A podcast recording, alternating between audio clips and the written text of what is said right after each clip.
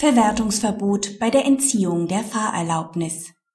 Auch ein Messergebnis, das unter Einsatz eines verfassungsrechtlich bedenklichen Messverfahrens gewonnen wurde, ist im Fahrerlaubnisentziehungsverfahren zu berücksichtigen, wenn der entsprechende Bußgeldbescheid rechtskräftig geworden ist die Verwaltungsbehörde entzog dem Antragsteller, für den 18 Punkte im Verkehrszentralregister eingetragen waren, mit Bescheid vom 20.11.2009 die Fahrerlaubnis.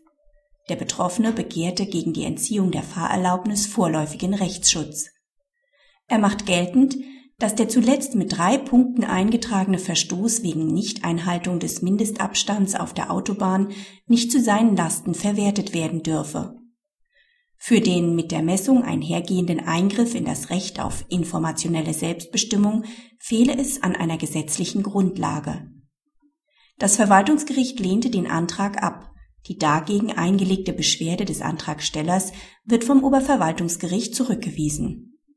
Das Oberverwaltungsgericht verweist darauf, dass nach 4 Absatz 3 Satz 2 StVG die Fahrerlaubnisbehörde bei der Fahrerlaubnisentziehung nach 4 Absatz 3 Satz 1 Nummer 3 StVG an die rechtskräftige Entscheidung über die Straftat oder die Ordnungswidrigkeit gebunden sei.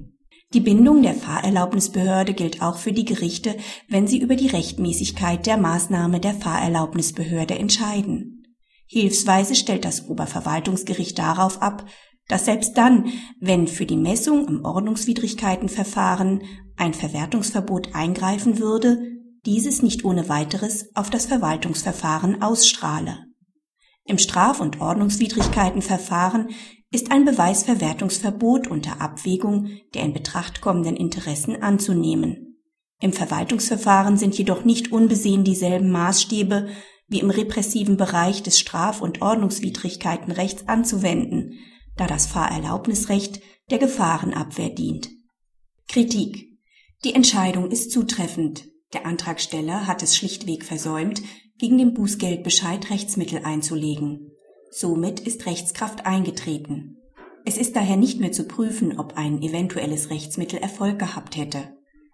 Irritierend wirkt allerdings die Hilfserwägung des Oberverwaltungsgerichts, wonach trotz eines im Ordnungswidrigkeitenverfahren geltenden Beweisverwertungsverbots dieses nicht umstandslos auf das Fahrerlaubnisverfahren ausstrahle.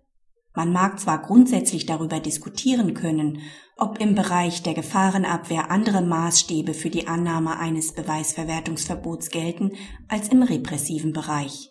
Allerdings hätte man vom Oberverwaltungsgericht schon gerne gewusst, welche anderen Maßstäbe denn in Betracht kommen sollten.